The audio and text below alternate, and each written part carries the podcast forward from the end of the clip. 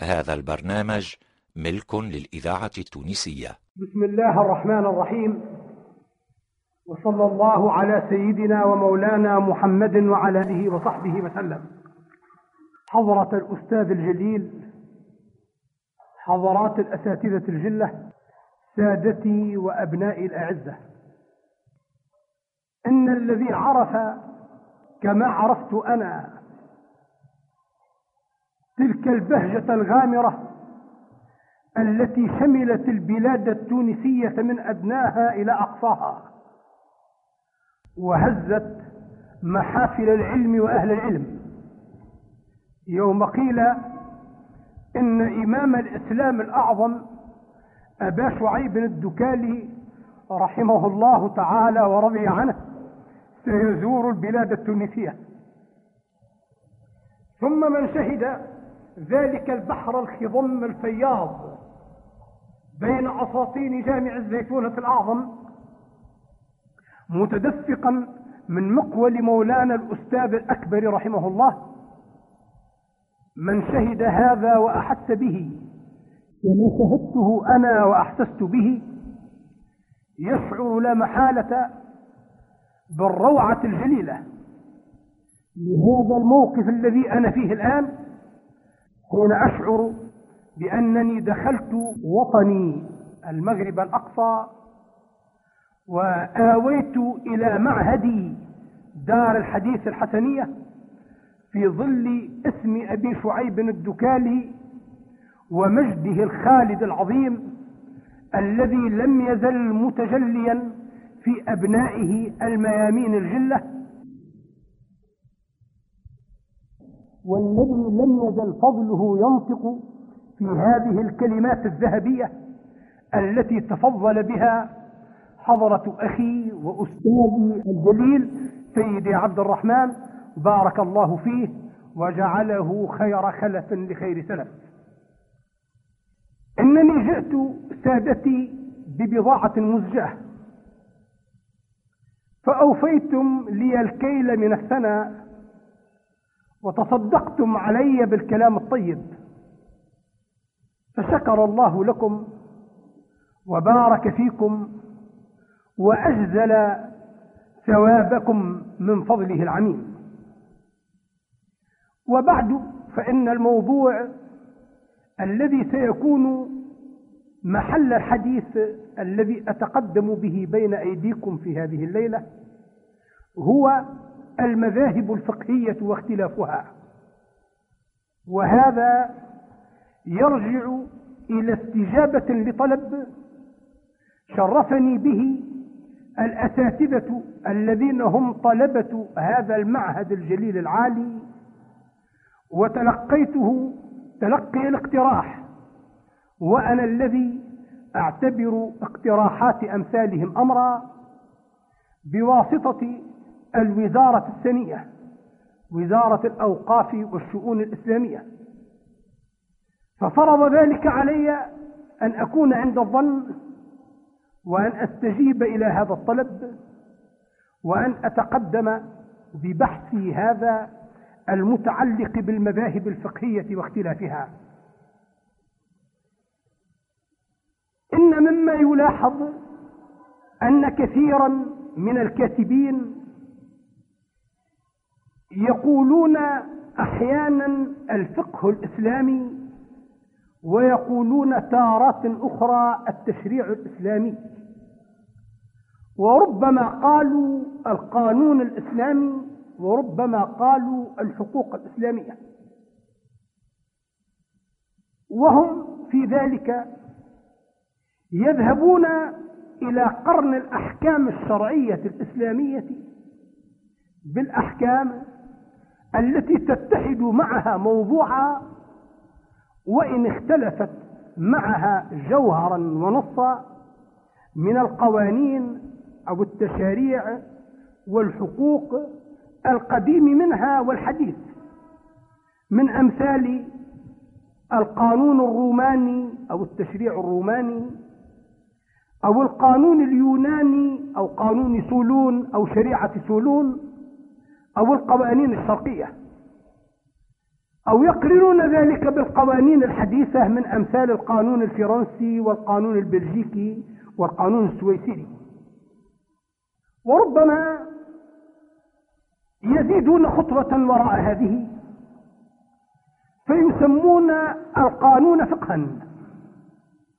فإن كثيرا من علماء القانون المعاصرين يطلقون في إقدام كلمة الفقه الروماني على القانون الروماني. ويعتبرون الأحكام المتعلقة بمعاملات الناس بعضهم مع بعض التي جاء بها القانون الروماني فقها باعتبار ما يلاحظون من التوارد العملي الواقعي بين الأحكام الفقهية المدونة في كتب الشريعة الإسلامية وبين الأحكام القانونية المنقولة عن القانون الروماني باعتبار كون التشريعين يتواردان من موضوع الأحكام على محل واحد بقطع النظر عن كون جزئية الحكم تتوافق أو تتخالف. فيبنون على هذا التوارد العملي الواقعي أن يستبيحوا لأنفسهم إطلاق كلمة الفقه على القانون. كما استباحوا قبل ذلك إطلاق كلمة القانون أو التشريع على الفقه الإسلامي. وبذلك يدخلون الفقه الإسلامي في نطاق الحقوق المقارنة أو ما يعبر عنه بالقانون المقارن. فإن أساتذة القانون المقارن يعتبرون الفقه الإسلامي أو التشريع الإسلامي صنفا من الأصناف التي تتصنف إليها التشاريع الموجودة في العالم لتدخل نطاق المقارنة تحت ذلك المعنى من التصنيف والتنويع. وهذا أمر ما دام مبنيا على المقارنة الموضوعية التي تدل على تقرير الحكم في نظر شريعة وتقريره في نظر شريعة أخرى فإنه أمر تقريري وصفي موضوعي لا حرج فيه. ولكن الذي تجاوز هذا الحد هو أنني رأيت بعض الكاتبين في القانون من الذين عربوا شرحا لأستاذ فرنسي على القانون المدني التونسي مجلة الالتزامات والعقود. فأخذ في مقدمة هذا الشرح التي هي منقولة إلى العربية عن قلم الأستاذ الفرنسي الذي تولى شرح جزء من القانون المدني التونسي. ابتدأ المعرب في تعريب المقدمة يحاول أن يعرف القانون كما عرفه الشارح ثم أن يقسمه كما قسمه الشارح.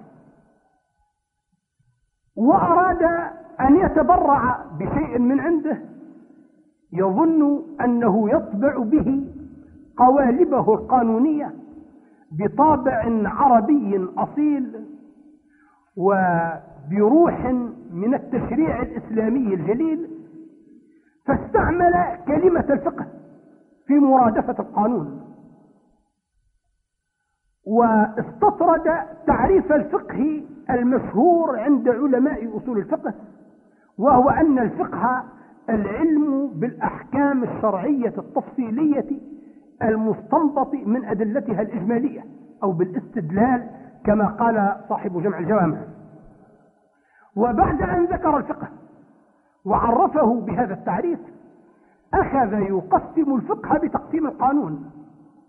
فقال إن الفقه منه فقه خاص ومنه فقه عام وأخذ يعرف كل من القسمين بما هو معروف مشهور عند علماء الحقوق من تعريف القانون العام والقانون الخاص. فجاء الكلام كلاما عجبا. وظهر منطقا مضطربا لأن الفقه الذي عرفه بأنه العلم بالأحكام الشرعية التفصيلية لا يمكن أن يقسم الإذاعة التونسية المؤتمن على ذاكرة الوطن. يقسم به القانون.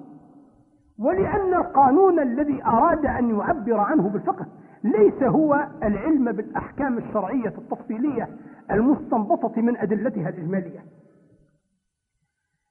كل هذا أتى من هذا المعنى من التسامح الذي يقل خطره أحيانا ويعظم خطره أحيانا عندما يتعمد الباحثون عن بينة أو عن غير بينة أن يعتبروا الفقه عين القانون والقانون عين الفقه. والحال أن مدلول الفقه لمن يتأمل فيه يختلف عن مدلول القانون اختلافا بينا. فليس الفقه مرادفا للقانون بحال وليس الفقه بلفظ من الألفاظ العربية المستطاع ترجمتها بسهولة إلى لغة أخرى لأن له مدلولا اصطلاحيا خاصا مستمدا من روح الديانة الإسلامية وقائما على المعنى الذي ارتبطت منه أحكام الشريعة العملية بالأصول الاعتقادية بصورة كونت مدلولا للفقه الإسلامي لا يمكن أن يفهم إلا بروح الحضارة الإسلامية. فإن الإسلام كما لا يخفى دين أساسه مثل جميع الأديان يرجع إلى العقيدة التي هي أمر متعلق بما وراء المادة.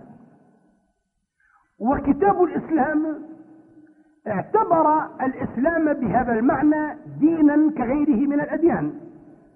فقال تعالى إن الدين عند الله الإسلام. وقال جل من قائل ومن يبتغي غير الإسلام دينا فلن يقبل منه.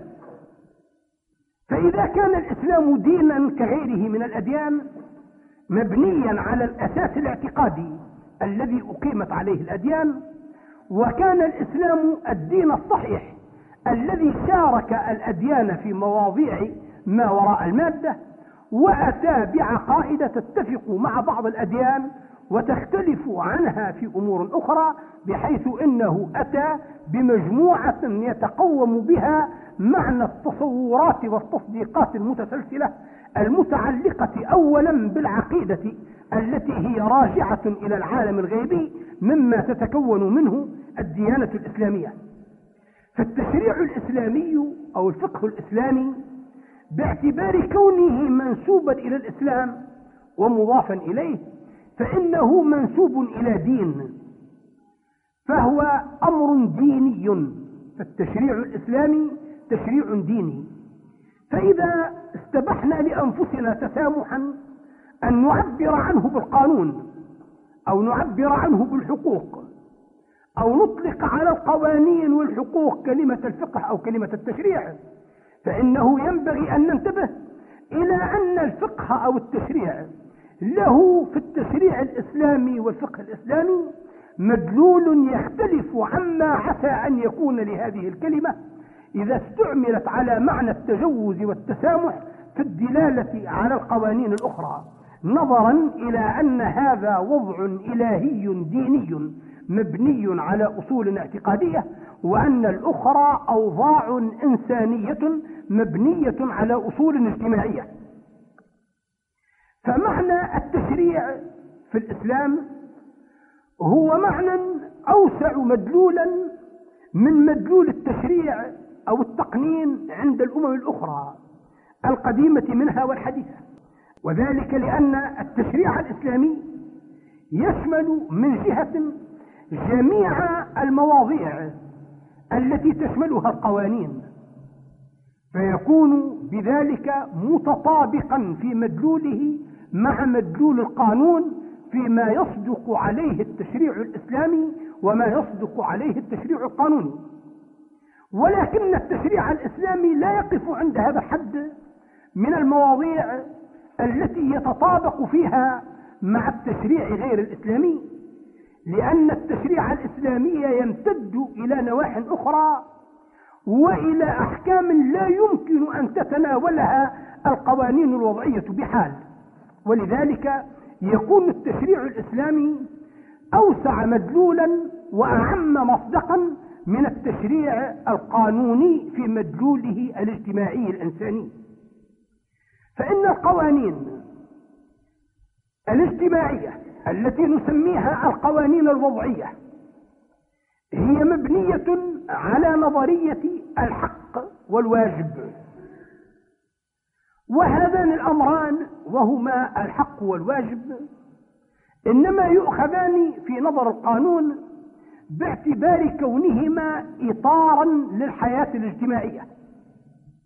فالحياة الاجتماعية أو الحياة المدنية للإنسان التي هي مبنية على ما تفرضه الطبيعة المدنية للفرد الإنساني من حاجة إلى غيره وحاجة غيره إليه مما يقتضي تبادل الحاجات وتبادل المصالح بين الناس. بما يحقق معنى المدنية الذي قيل فيه إن الإنسان مدني بالطبع. فيؤخذ حق الفرد باعتبار ما يجب على غيره أن يمكنه منه وواجب الفرد باعتبار ما يجب عليه أن يمكن غيره منه إطارا للحياة الاجتماعية. وينشأ القانون من اعتبار هذين المعنيين. من معنى الحق أو معنى الواجب بحسب ما يتفق ويتصادق عليه الناس بطريقة التواضع والاصطلاح. أما على نظرية المنهج الاختياري في وضع القوانين بالاتفاق المبني على حرية الإرادات بين الأفراد التي تجعل القانون عقدا كما هي نظرية جون جاك روسو في العقد الاجتماعي أو الميثاق الاجتماعي. وبين من يبنونه على الطريقة الطبيعية التي ترجع إلى ما بين القانون وبين الطبيعة الإنسانية في معنوياتها ومادياتها من الارتباط وهي نظريات القدماء من حكماء اليونان التي بنى عليها تحليله لمعنى القانون مونتسكيو في كتابه روح القوانين. أو بالطريقة التلقائية التي تعتبر نتيجة تتبع تطور البيئة كما هو مذهب أصحاب نظرية التطور أو نظرية النشء والارتقاء. أو بالطريقة القهرية التي تتبع نظم الحكم كما هو منهج كثير من الحكماء اليونانيين وهو المذهب الذي يجنح إليه ويؤيده حكيمنا الأكبر العلامة ابن خلدون. فهذا سواء اعتبرناه اختياريا أم طبيعيا أم تلقائيا أم قهريا هو أمر إنساني بحت يتعلق بما بين الإنسان والإنسان من صلات ولا يمكن أن يتعدى هذا المعنى. ولذلك فإن ظواهر حياة الإنسان وأعماله التي لا ترجع إلى ما بينه وبين الإنسان الآخر من صلات لا يمكن أن تكون مشمولة في حقيقة القانون. وذلك فيما يرجع أولا إلى ما بين الإنسان وبين نفسه من الآداب السلوكية. الخاصة به والنظريات المجردة الاعتقادية والذهنية التي ينبغي أن يقول ينبغي له أن يقول بها وأن يرعاها وأن يسير عليها. ثم ما بين الإنسان وبين العناصر العالمية غير الإنسانية من صلات في أنه يباح له أن يتناول هذا أو لا يباح له أن يتناوله. من المأكول والمشروب وغير ذلك مما يتصرف به الإنسان في العناصر الطبيعية غير, غير الإنسانية. ثم في أعلى من ذلك كله ما بين الإنسان وبين خالقه مما يرجع إلى العقيدة والعبادة وما يتفرع عن العبادة مما يتصل بموضوع القانون الوضعي من أحكام الشريعة الإسلامية وإن لم يكن بالمعنى التام من القانون الوضعي. وإذا كان القانون لا يتعدى معنى العلاقة التي بين الإنسان والإنسان ولا يدخل النواحي الأخرى من الأعمال التي ترجع إليها الحياة الإنسانية فإن الفقه الإسلامي يتعلق بهذه الأمور كلها التي لا يتعلق بها القانون.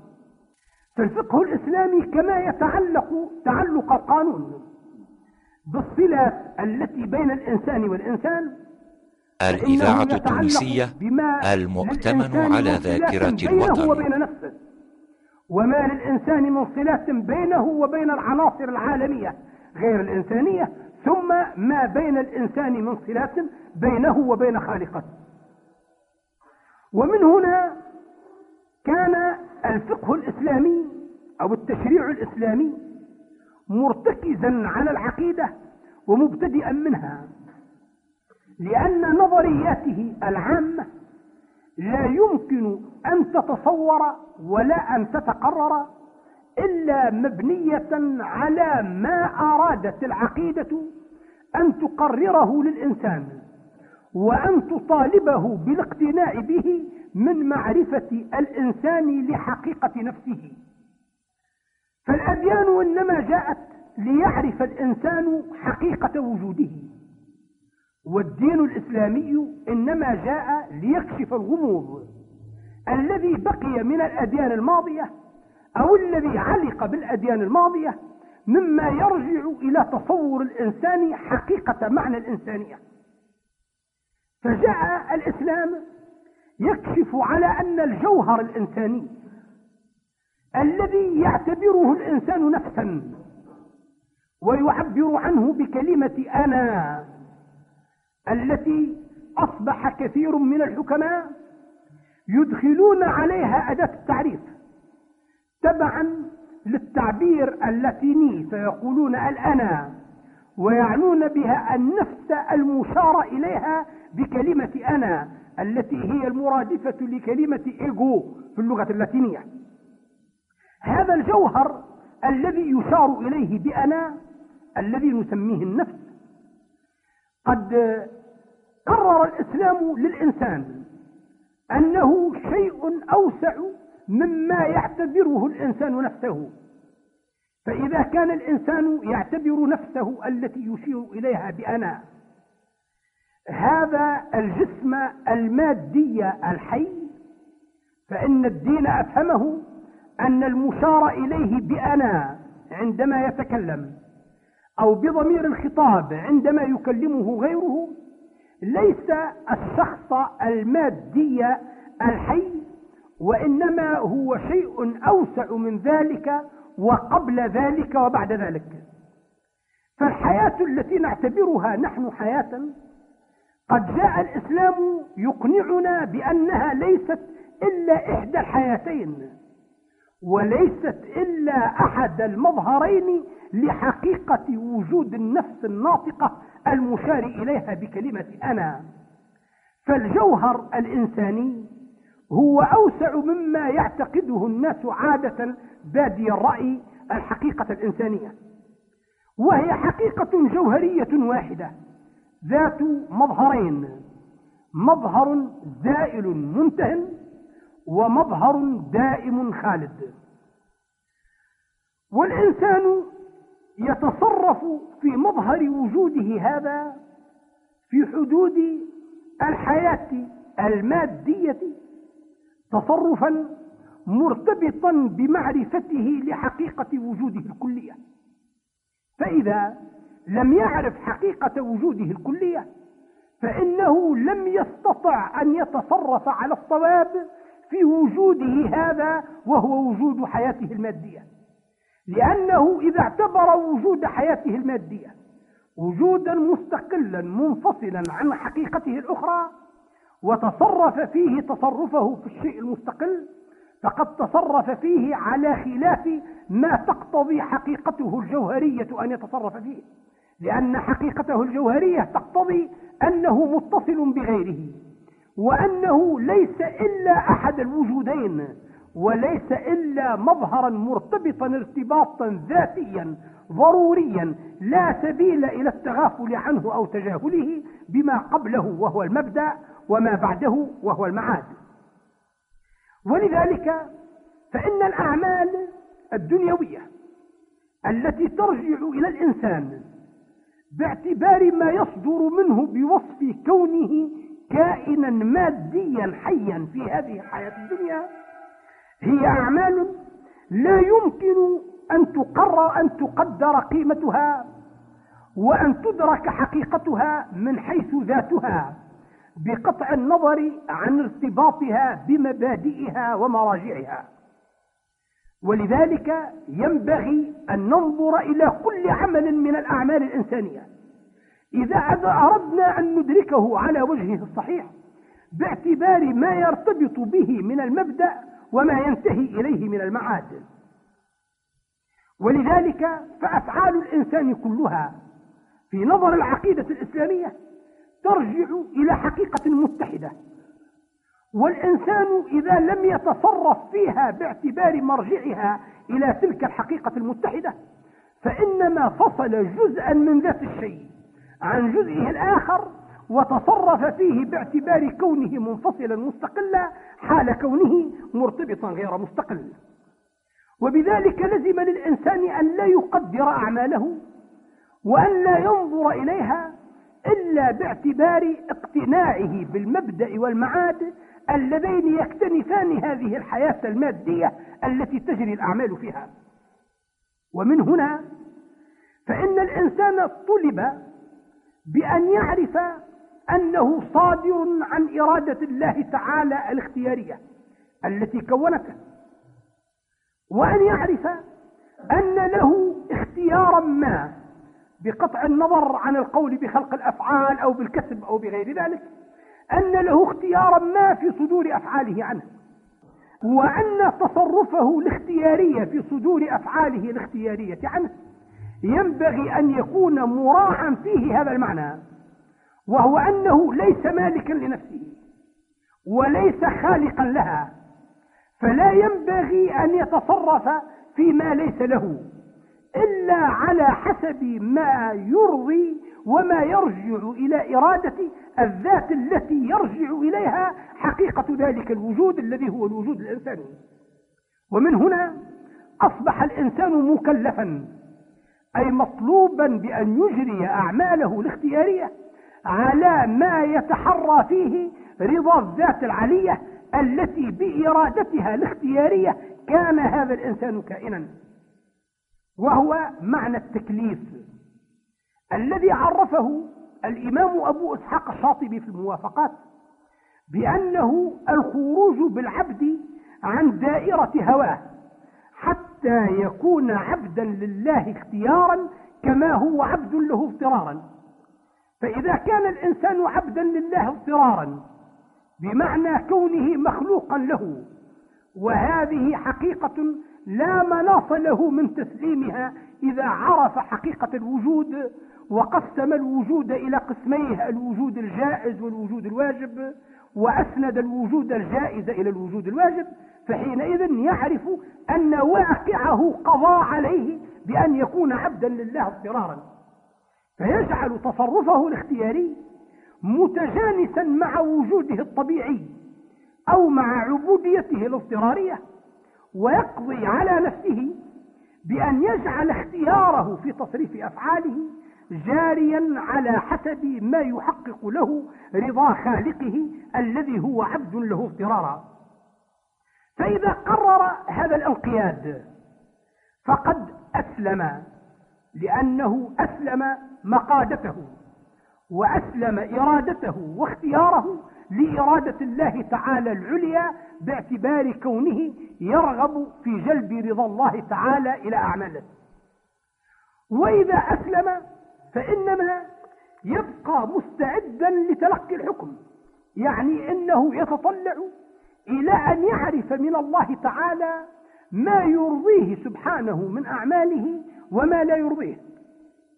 فإذا أسلم هذا الإسلام وتطلع بإسلامه هذا التطلع فهنالك يأتيه الحكم الذي هو الخطاب الإلهي الذي عرفه الإمام الرازي في المحصول بأنه خطاب الله تعالى المتعلق بأفعال المكلفين بالاقتضاء أو التخيير. فالإنسان متلقن طالب للحكم. والله تعالى حاكم مفيض للحكم وموجه للإنسان المتلقي المسلم الذي أسلم نفسه لأن يتلقى ما يريد الله منه. فوجه الله تعالى إليه بناء على ذلك الإذاعة التونسية الخطاب الذاكرة الحية. الذي هو الحكم مبني على التكليف بحيث إن العبد إذا أراد اختيارا أن يكون عبدا لله كما هو عبد له اضطرارا فإن الله تعالى يخاطبه بما هو طالب من الله تعالى أن يعرفه من الأحكام من لدنه. فيأتي الخطاب الإلهي الذي هو الحكم متعلقا بأفعال المكلفين أي متعلقا بجميع أفعال جميع المكلفين على معنى أن الله تعالى يقتضي أو يطلب أي يطلب يطلب فعلا أو تركا. أو على معنى أنه يخير أي يسوي بين الفعل والترك وذلك ما نعبر عنه بالإباحة المطلقة. فتصبح بهذا عموم أفعال العبد راجعة إلى أقسام الحكم الشرعي المعروفة التي هي الوجوب والندب والإباحة والكراهة والتحريم. ويصبح الإنسان بالضرورة لا جائز أن يصدر عنه فعل من الأفعال أيا كان مما يتعلق بغيره من الآدميين أو ما يرجع إلى المتعلقات الأخرى إلا وهو موضوع لحكم من هذه الأحكام الخمسة.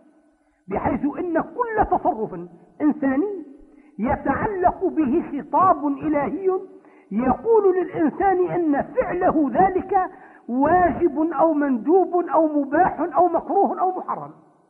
بحيث إن جميع أفعال جميع المكلفين يتعلق بها خطاب الله تعالى على معنى الاستغراق والاستقصاء باقتضاء أي اقتضاء ترك أو اقتضاء فعل على درجتي الاقتضاء أو بتحيير فتصبح بذلك جميع الأفعال الإنسانية داخلة تحت الحكم الشرعي. ومن جملة الأفعال الإنسانية التي تدخل تحت الحكم الشرعي الأفعال التي ترجع إلى العلاقات التي بين الإنسان وبين الإنسان الآخر. فكما أن الأفعال التي لا ترجع إلى علاقة الإنسان بالإنسان مما ترجع إلى علاقته بنفسه أو علاقته بالعالم أو علاقته بربه هي موضوع لهذا الخطاب. فإن الأفعال المتعلقة بما بين الإنسان والإنسان من العلاقات هي تكون أيضا موضوعا لهذا الخطاب. وعلى ذلك يتعلق بها الحكم كما يتعلق بغيرها من الأفعال التي, ترجع التي لا ترجع إلى ناحية المعاملات الإنسانية. وينشأ من هذا التعلق الخاص للحكم الشرعي الذي هو الخطاب الإلهي منوطا فيه معنى الحق ومعنى الواجب بمراعاة الاقتضاء الإلهي. فما منعه الله تعالى لا يكون للناس حق في تعاطيه. وما أباحه الله تعالى إباحة مطلقة أو إباحة اقتضائية هو الذي يكون للناس الحق في تعاطيه. فليس للإنسان أن يطالب غيره إلا بما جعل الله تعالى ذلك الغير مطالبا له به. وعلى ذلك تكون المجتمع الإسلامي وجاءت الشريعة الإسلامية تقابل الشرائع الوضعية في المجتمع الذي تكون بالعامل الديني فكان العامل الديني ساريا في تحديد العلاقات الاجتماعية بين عناصر ذلك المجتمع بحيث إنه لا يجوز أن تكون علاقة إنسان بإنسان إلا على حسب ما تواضع الطرفان على أنه حق بتشريع الله تعالى أو على أنه ليس بحق بتشريع الله تعالى. ومن هنا جاء تدخل السلطة القضائية التي هي سلطة شرعية. ينتصب الممارس لها القائم بها لحمل الناس على أن يسيروا في أعمالهم على ما هو من مقتضى حقهم أي من الحق الذي مكنهم الله تعالى منه بطريق الاقتضاء أو بطريق التخيير فجاء القضاء الذي هو كما عرفه شهاب الدين القرافي إنشاء إلزام أو إطلاق.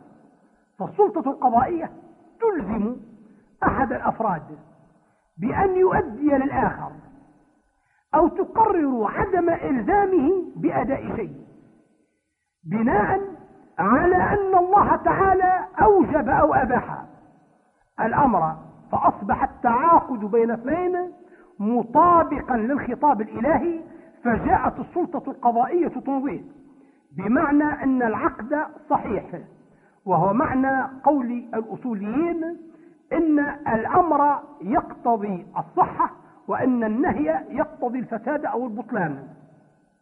فأصبحت المعاملات التي بين الناس بعضهم مع بعض بهذا الاعتبار راجعة إلى ما يمكن للفرد بحسب كونه مسلما مؤمنا بأن إرادة الله فوق إرادته مما يمكن أن يتعاقد بمقتضاه مع غيره. وما لا يمكن له أن يتعاقد مع غيره عليه لأن إرادة الله لم تتعلق به ورضاه لم يتعلق به فيصبح ذلك عملا فاسدا لا يجوز له أن يتقاضاه من الغير لأنه تواضع في نطاق هذا المجتمع الإسلامي مع غيره على أن لا يؤدي إلا ما أوجب الله عليه وأن لا يتقاضى إلا ما فرض الله له. فكان المقياس الذي ترجع إليه العقود أو المعاملات فيما بين الناس بعضهم مع بعض من حيث الصحة ومن حيث البطلان مقياسا دينيا اعتقاديا. يرجع إلى معنى الحسن والقبح الشرعيين اللذين عرفهما علماء الأصول بأنهما استحقاق الثواب أو استحقاق العقاب. فأصبح الأمر الأخروي الراجع إلى الحياة التي هي غير الحياة الدنيا متعلقا بالأمر الدنيوي الذي هو أمر الحياة الدنيا بحيث إن ما يقتضي العقاب يقتضي الفساد فلا يمضي التعامل به بين الناس وما يقتضي الثواب يقتضي الصحة فهو الذي يمضي التعامل به بين الناس. فكأن التعامل بين الناس بعضهم مع بعض أصبح في حقيقته تعاملا فيما بينهم وبين الله. فإذا كان الإنسان موضوعا للتعامل فإن الله تعالى هو الطرف الذي يتولى اعتبار ذلك التعامل بثوابه أو بعقابه ثم يتولى التفريع عن الثواب أو العقاب بإلزام السلطة المقيمة لشريعته بين الناس. وهي السلطة القضائية بأن تمضي الأفعال التي تستحق الثواب وهي التي من أثر استحقاقها للثواب. جاءت صحة العقود وأن تبطل التصرفات التي هي مستوجبة للعقاب والتي جاء من استيجابها للعقاب عدم صحة العقود أي عدم صحة العقود أي فسادها وبطلانها.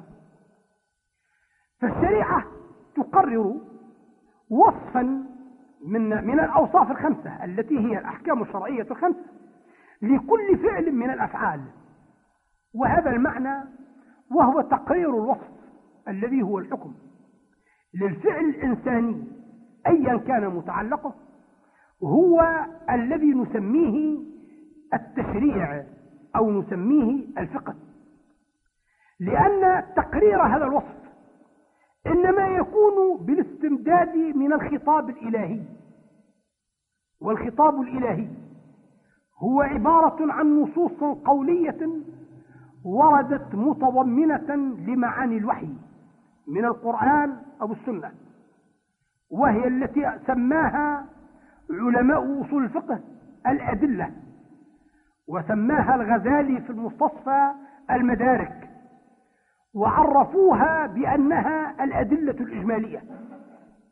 فهذه النصوص القولية أو المدارك التي اعتبرت أصول الفقه هي متناولة كما قلنا لجميع الأفعال الصادرة عن جميع المكلفين ولكن تناولها لجميع الأفعال الصادرة عن جميع المكلفين لا يمكن أن يكون تناولا على سبيل التفصيل وإنما هو تناول على سبيل الإجمال بحيث إن المدرك أو النص أو الأصل يتناول صفة تنطبق على صور مختلفة على أفعال كثيرة فيشير إلى الحكم الذي يتقرر لتلك الأفعال ثم يبقي استمداد الحكم التفصيلي الذي يتعلق بكل فعل من الأفعال التفصيلية لما يسمى فقها أو اجتهادا الذي هو من عمل المكلفين.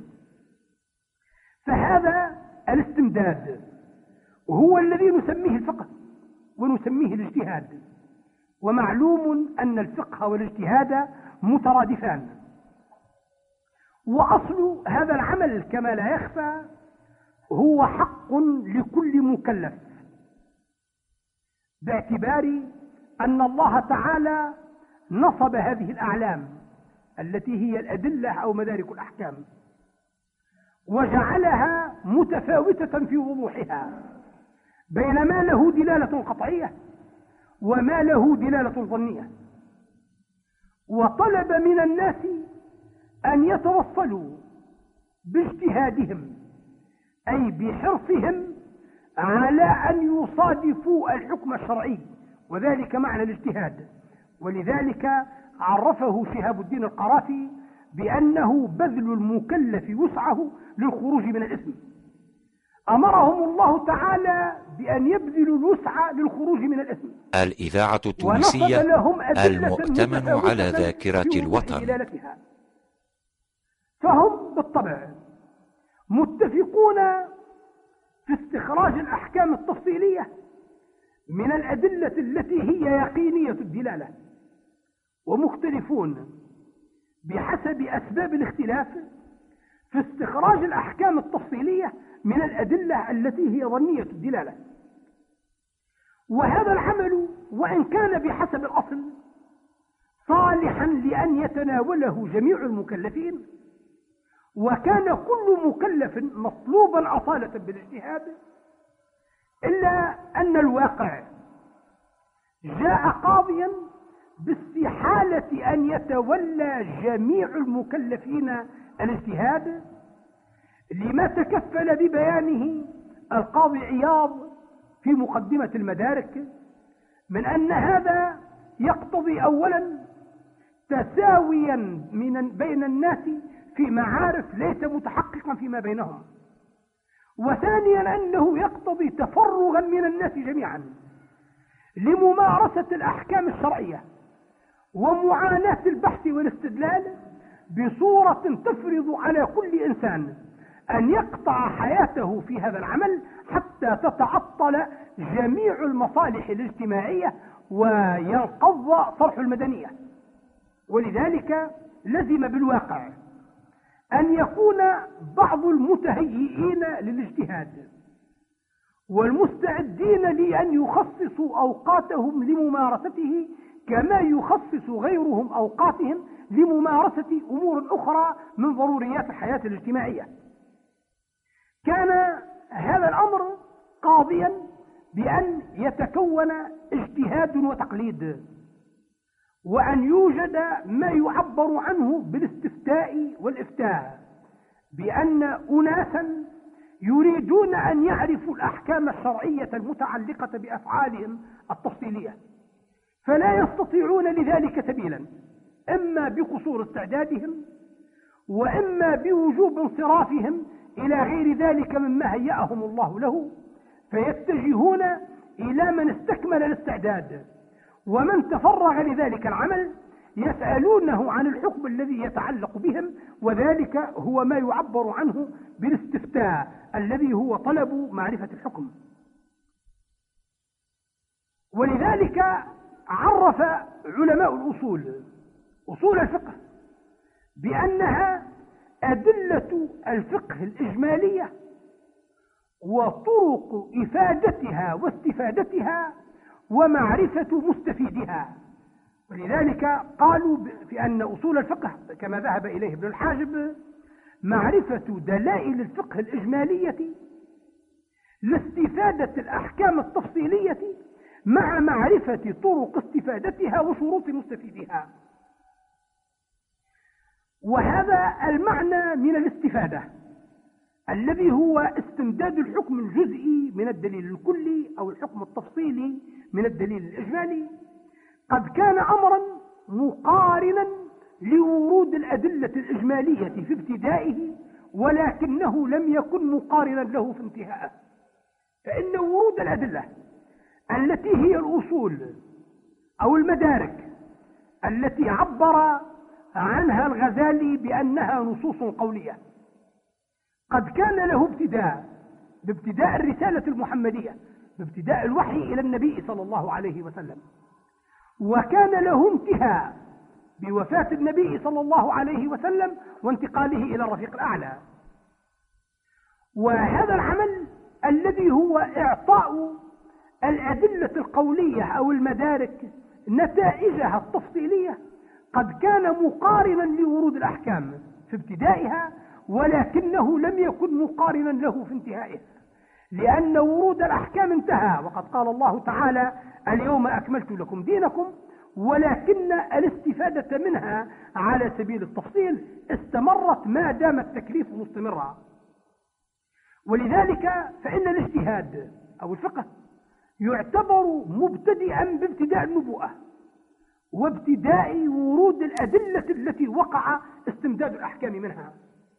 ولهذا رجح المحققون من علماء الأصول أن النبي صلى الله عليه وسلم قد اجتهد وهي مسألة قد بسط الإمام الغزالي في المستصفى الأقوال فيها وناقش الأدلة وفرضها على درجتين أولا درجة الجواز وثانيا درجة الوقوع وأورد الأدلة مما يغني عن إيراده في هذه الفرصة الضيقة. ثم ذهب المحققون أيضا إلى أن غير النبي صلى الله عليه وسلم في حياة النبي صلى الله عليه وسلم وفي حضرته وعلى مرأى ومسمع منه قد اجتهدوا أيضا. فالاجتهاد جرى في حياة النبي صلى الله عليه وسلم منه صلى الله عليه وسلم ومن غيره كما هو المختار عند محققي الأصوليين من أبي بكر البقلاني والغزالي والسبكي وابن الحاجب وغير هؤلاء.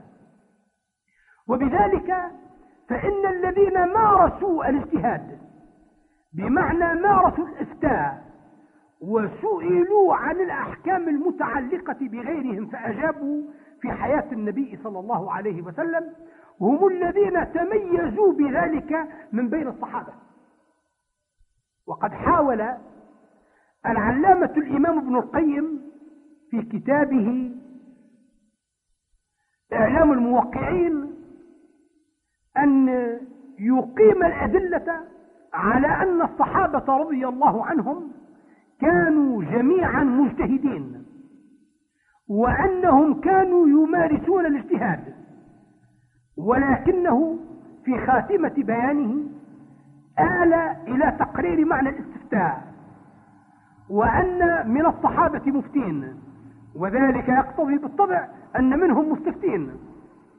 ثم آل إلى حصر المجتهدين من الصحابة المعروفين بالإفتاء كما ذهب إلى ذلك غيره من قبله من علماء السنة والآثار مثل ابن سعد في الطبقات حيث حصر الذين مارسوا الإفتاء في حياة النبي صلى الله عليه وسلم من الصحابة وهذه الطبقة التي تميزت من بين الصحابة بممارستها للاجتهاد والإفتاء هم الذين عرفوا باسم القراء كما قال ابن خلدون أو الذين عرفوا عند علماء الأصول من الحنفية باسم فقهاء الصحابة.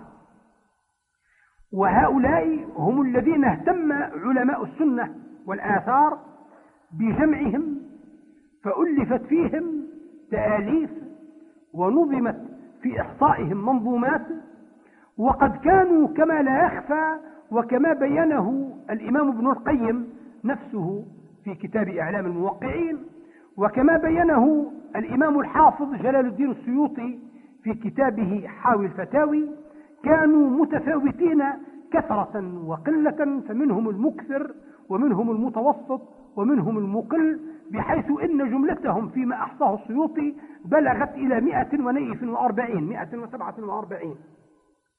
وبوفاة النبي صلى الله عليه وسلم بقيت هذه الطبقة التي مارست الاجتهاد بين يدي النبي صلى الله عليه وسلم وكان مرجعها إليه وتخرجت على ذلك في الاجتهاد بالنبي صلى الله عليه وسلم أصبحت بالطبع هي المرجع للناس. فتوجه الناس إلى فقهاء الصحابة بالاستفتاء والتحق بفقهاء الصحابة فقهاء التابعين. فكان في فقهاء التابعين من يفتي في وجود الصحابة كما قيل أن الحسن البصري كان يفتي مع وجود الصحابة. وهذه الطبقة المتخرجة بالنبي صلى الله عليه وسلم بذاته والتي تكونت تكونا اجتهاديا غير معصوم متأثرا بالاجتهاد المعصوم. كانوا في أول أمرهم مجتمع مجتمعين في مقر واحد حيث تكونت الشريعة العملية وحيث ابتدأ الاجتهاد وحيث تكونت هذه الطائفة من المجتهدين وتلك هي المدينة المنورة. ولكن سرعان ما جاء اتساع المملكة الإسلامية وامتداد الفتوح وتعود وتعدد الدواعي لنزوح الصحابة رضي الله عنهم عن المدينة المنورة فتعددت بذلك المراكز التي أقام فيها فقهاء الصحابة. وبذلك تعددت مراكز الفقه بعد أن كانت متحدة. وتكون ما يعبر عنه عند الفقهاء بالأمصار التي هي المراكز الفقهية الأولى التي جرت فيما بينها حركة الاجتهاد في عصر الصحابة وهي التي نستطيع أن نردها إلى خمسة مراكز. هي المدينة ومكة والعراق والشام ومصر. وأن نأخذ على سبيل المثال من فقهاء الصحابة في تفرقهم بين هذه الأمصار أو المراكز الفقهية العبادلة الأربعة. عبد الله بن عمر وعبد الله بن عباس وعبد الله بن مسعود وعبد الله بن عمرو بن العاص رضي الله عنهم. ونضيف إليهم أمير المؤمنين معاوية بن أبي سفيان رضي الله عنه باعتباره أمير الشام ثم خليفتها وفقيهها. فنعتبرهم موزعين على هذه المراكز. فعبد الله بن عمر في المدينة وعبد الله بن عباس في مكة. وعبد الله بن مسعود في العراق ومعاوية في الشام وعبد الله بن عمرو بن العاص في مصر.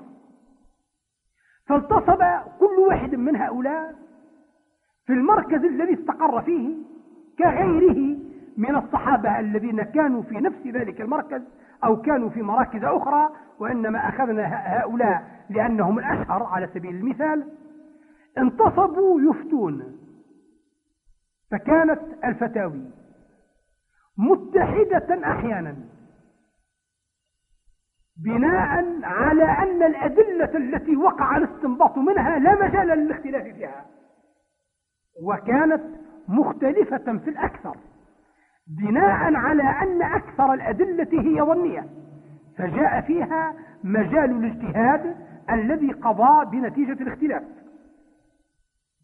وقد تعرض العلامة ابن خلدون إلى بيان أسباب الاختلاف الذي اقتضى بأن كانت الأحكام الشرعية التي قررها الفقهاء مختلفة فيما بينهم وكانت فتاويهم في الجزئية الواحدة متضاربة متناقضة.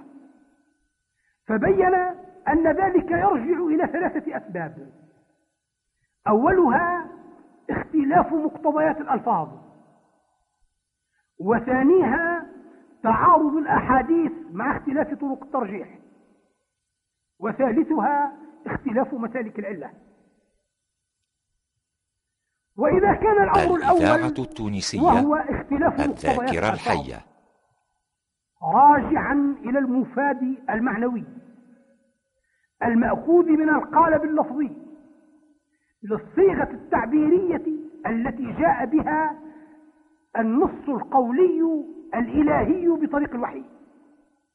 فإن هذا ينبغي أن نرجع فيه إلى أن من النصوص ما لم يكن مجال للاختلاف فيه وهو الذي اتفقت الفتاوي فيه وانعقد الإجماع على مقتضى ما استفيد من تلك الأدلة.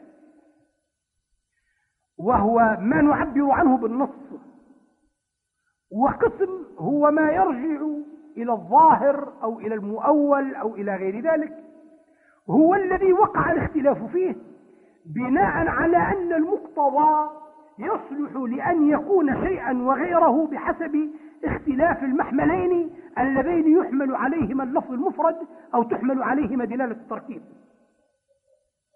وفي هذا ولا سيما فيما يرجع من هذه الأدلة إلى القرآن العظيم ما يرجع إلى معنى من معاني الإعجاز. يمكن أن يتبين بأن الله تعالى قد أراد من بعض الأدلة أن تكون بينة يقينية واضحة وأراد من البعض الآخر أن يكون مشتملا على ما اشتمل عليه من الإجمال أو من قابلية التأويل أو من غير ذلك. لأنه تعالى يعلم أن ما لا مجال للخروج عن الحكم الواحد فيه هو الذي أورد دليله نصيا وأن ما يرى تعالى أن للمكلف مندوحة وسعة في أن يكون على هذا الوضع أو على ذلك بالنسبة إلى هذا الحكم هو الذي جعل دليله قابلا للتأويل بناء على مقتضى مقام الإعجاز أولا والحكمة التشريعية ثانيا. وقد حاول العلامة اللغوي المشهور الأندلسي ابن السيد البطليوسي أن يجعل جميع الخلاف الذي حدث بين المسلمين سواء في الأصول أعني مسائل العقائد أم في الفروع عن الأحكام الفقهية راجعا إلى اختلاف مقتضيات الألفاظ فأرجع جميع ذلك إلى اختلاف الناس في دلالات التراكيب وإلى اختلافهم في وضع أحكام بناء الجملة العربية أعني أحكام النحو.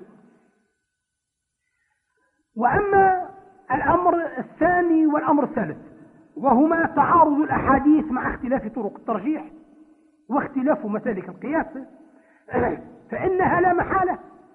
إذا تعارضت الأحاديث ولزم أن يجمع بينها أو أن يرجح أحدها على الآخر فإن هنالك طرقا في الترجيح.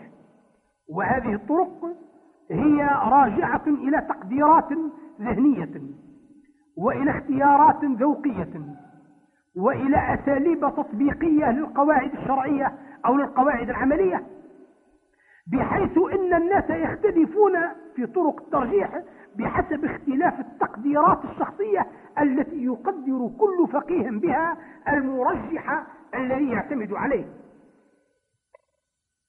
والثالث وهو اختلاف مسالك العلة يرجع كذلك إلى اختلاف التقديرات الشخصية التي يقدر الفقيه العلة في الحكم بها وإن لم يدل عليها بطريق واضح ثم أن يقدر المسلك الذي يسلك منه إلى استفادة العلة في حال أنه يمكن أن يسلك من مسلك آخر ولكنه اطمأن إلى أن هذا المسلك هو الكفيل بأن, بأن يصل به إلى إدراك الحكم الإلهي بحسب ما يبذل فيه جهده وطاقته للخروج من الإثم فكان هذان الأمران الثاني والثالث راجعين إلى اختلاف التقادير الشخصية.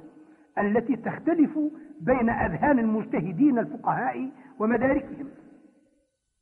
وإذا كان ابن خلدون قد حصر الأسباب الموجبة للخلاف في هذه الثلاثة فإننا نستطيع أن نضيف إلى ما أتى به سببين آخرين. نرى في تصرفات الاستدلالات الفقهية ما يشهد بأن لها أثرا واضحا في اختلاف تقدير الأحكام. فالرابع وهو الأول مما نضيفه إلى ثلاثة ابن خلدون هو اختلاف النزعات الشخصية للمجتهدين. ولا نعني بالنزعات الشخصية هنا ما يرجع إلى الميل أو إلى الهوى ولكننا نرجع به نعني به ما يرجع إلى التقدير الذي يستند إلى طبع خاص في استفادة الحكم.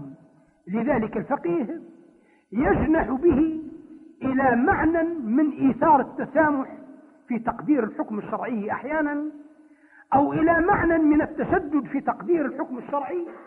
وهذا ما نراه فيما ثبت عند الصحابة من اعتبار نزعات شخصية في تقرير أحكام شرعية خاصة بأصحابها لم تنكر عليهم.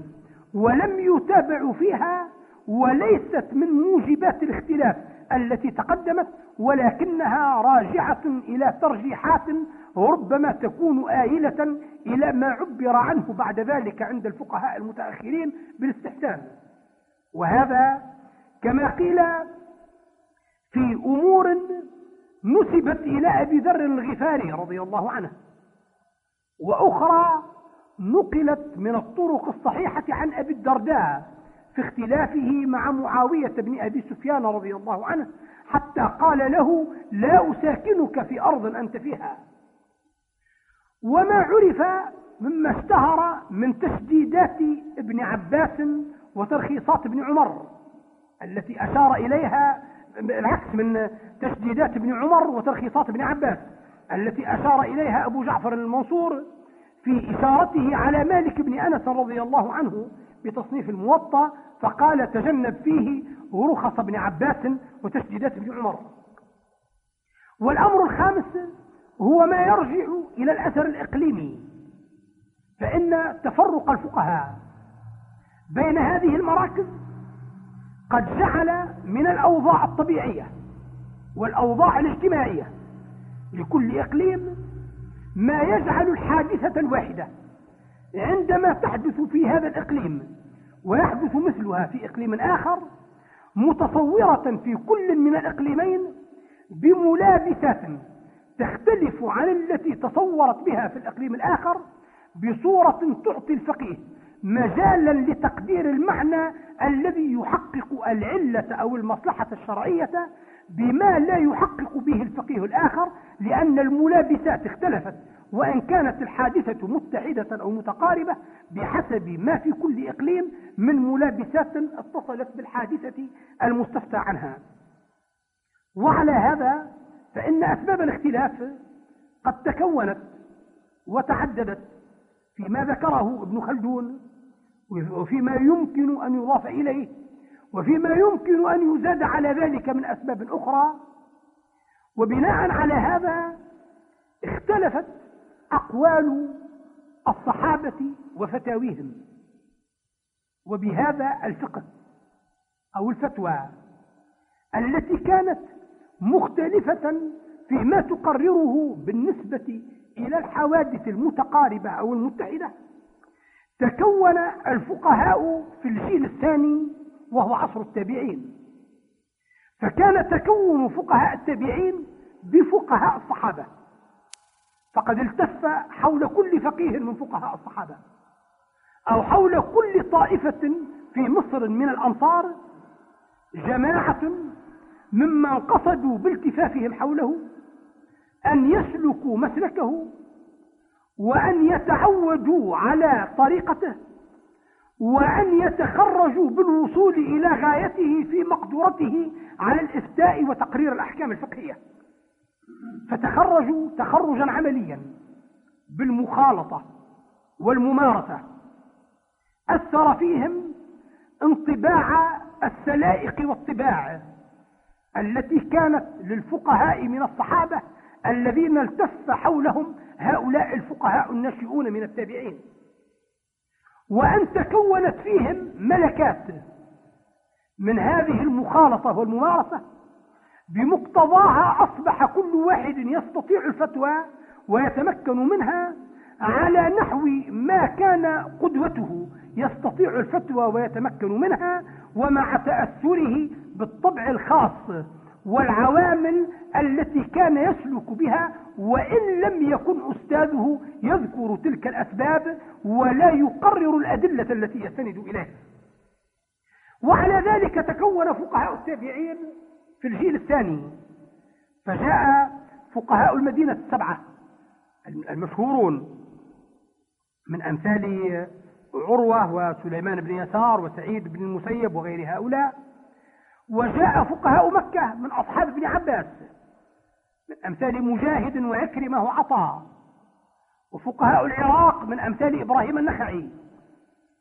وفقهاء الشام من أمثال أمير المؤمنين عمر بن عبد العزيز. وفقهاء مصر من أمثال يزيد بن أبي حبيب. فكانوا هؤلاء فكان هؤلاء سائرين على نفس المناهج متكونين تكون الملكات.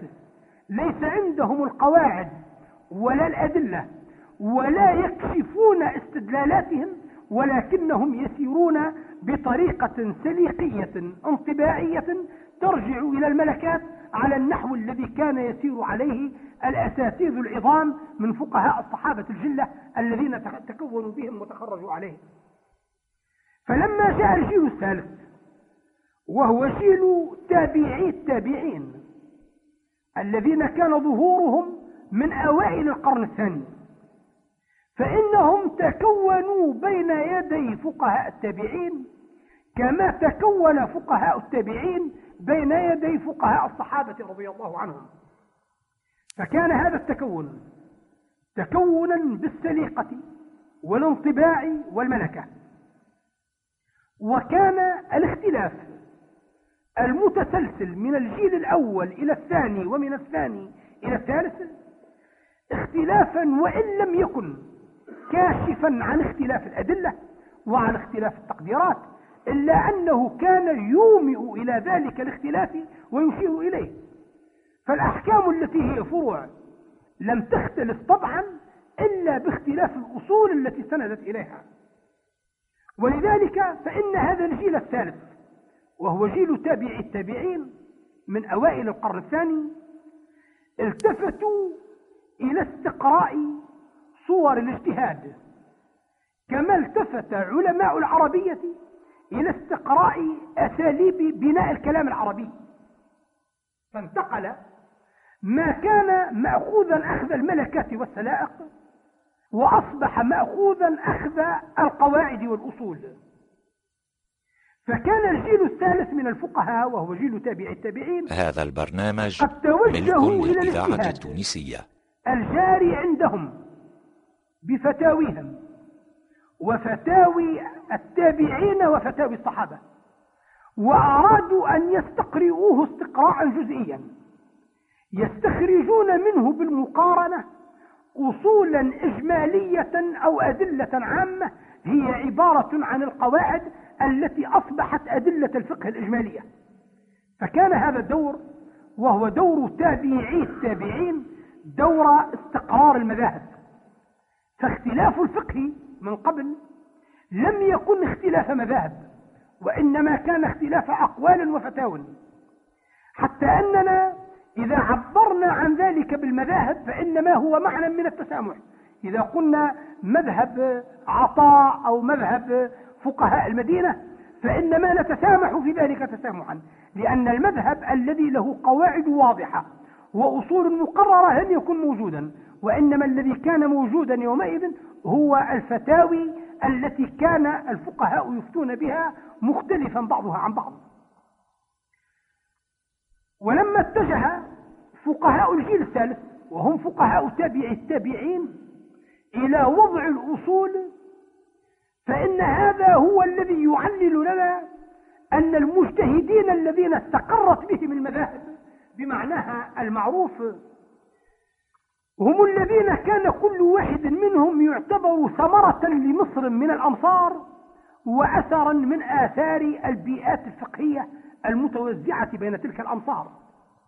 فظهر مالك بن أنس للمدينة وظهر سفيان الثوري ثم الشافعي لمكة وظهر أبو حنيفة للعراق وظهر الأوزاعي للشام وظهر الليث بن سعد لمصر.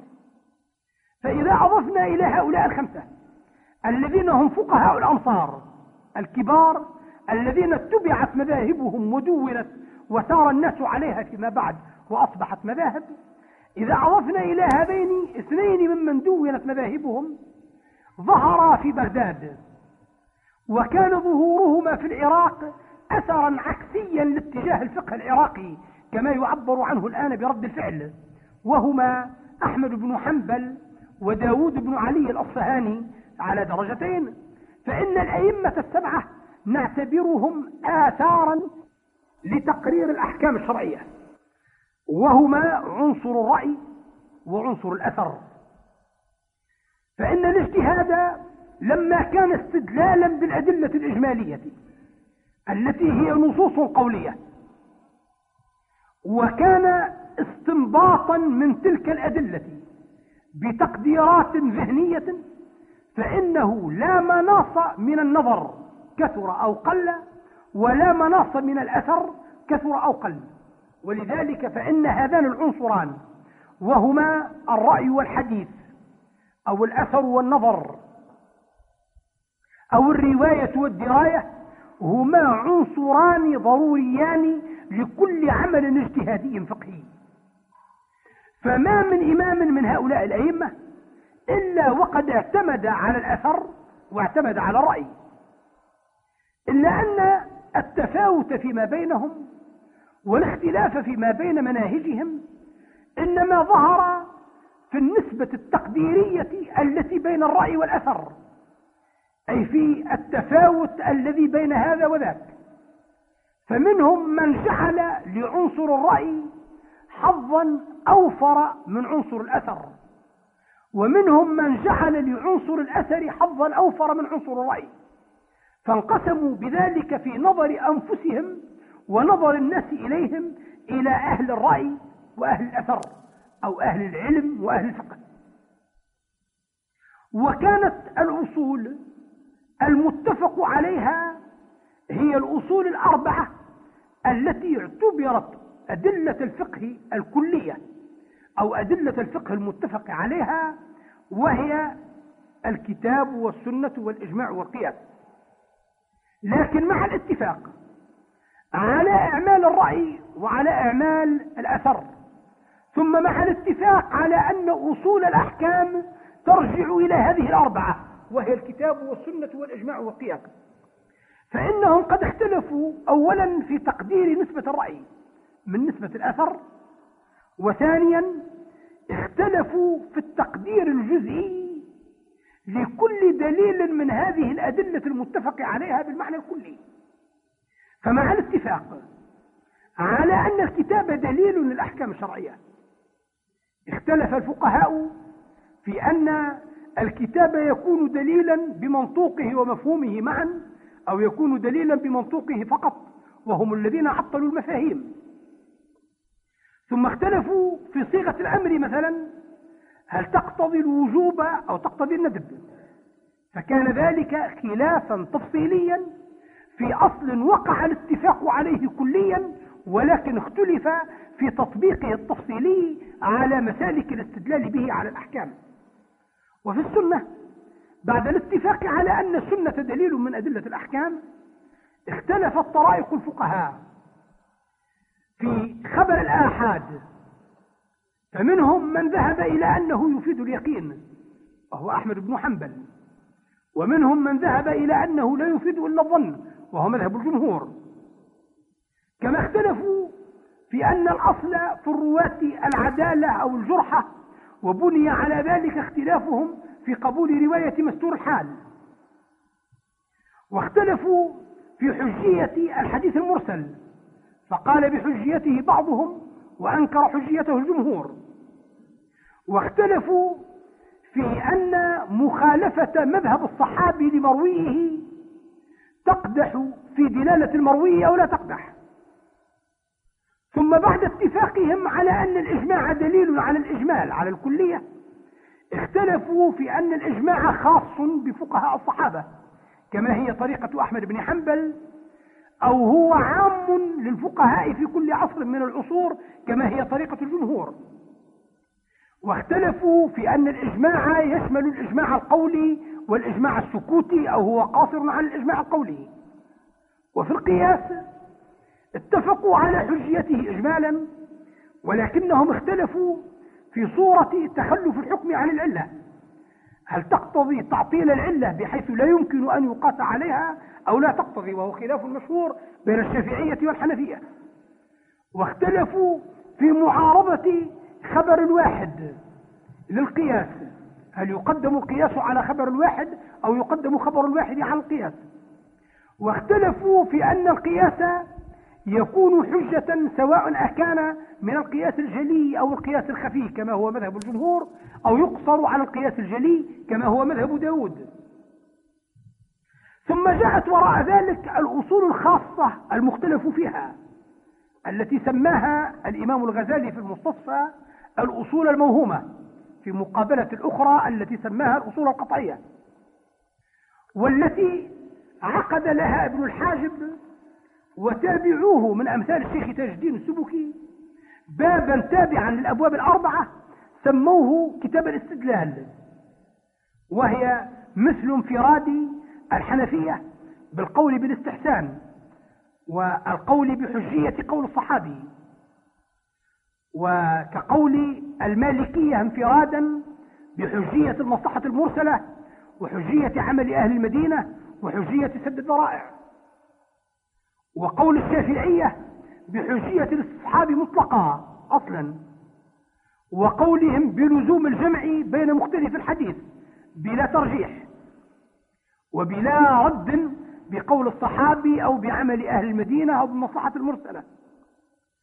وظهر هذا المعنى من الاختلاف في آثارهم التي صدرت عنهم في عصرهم.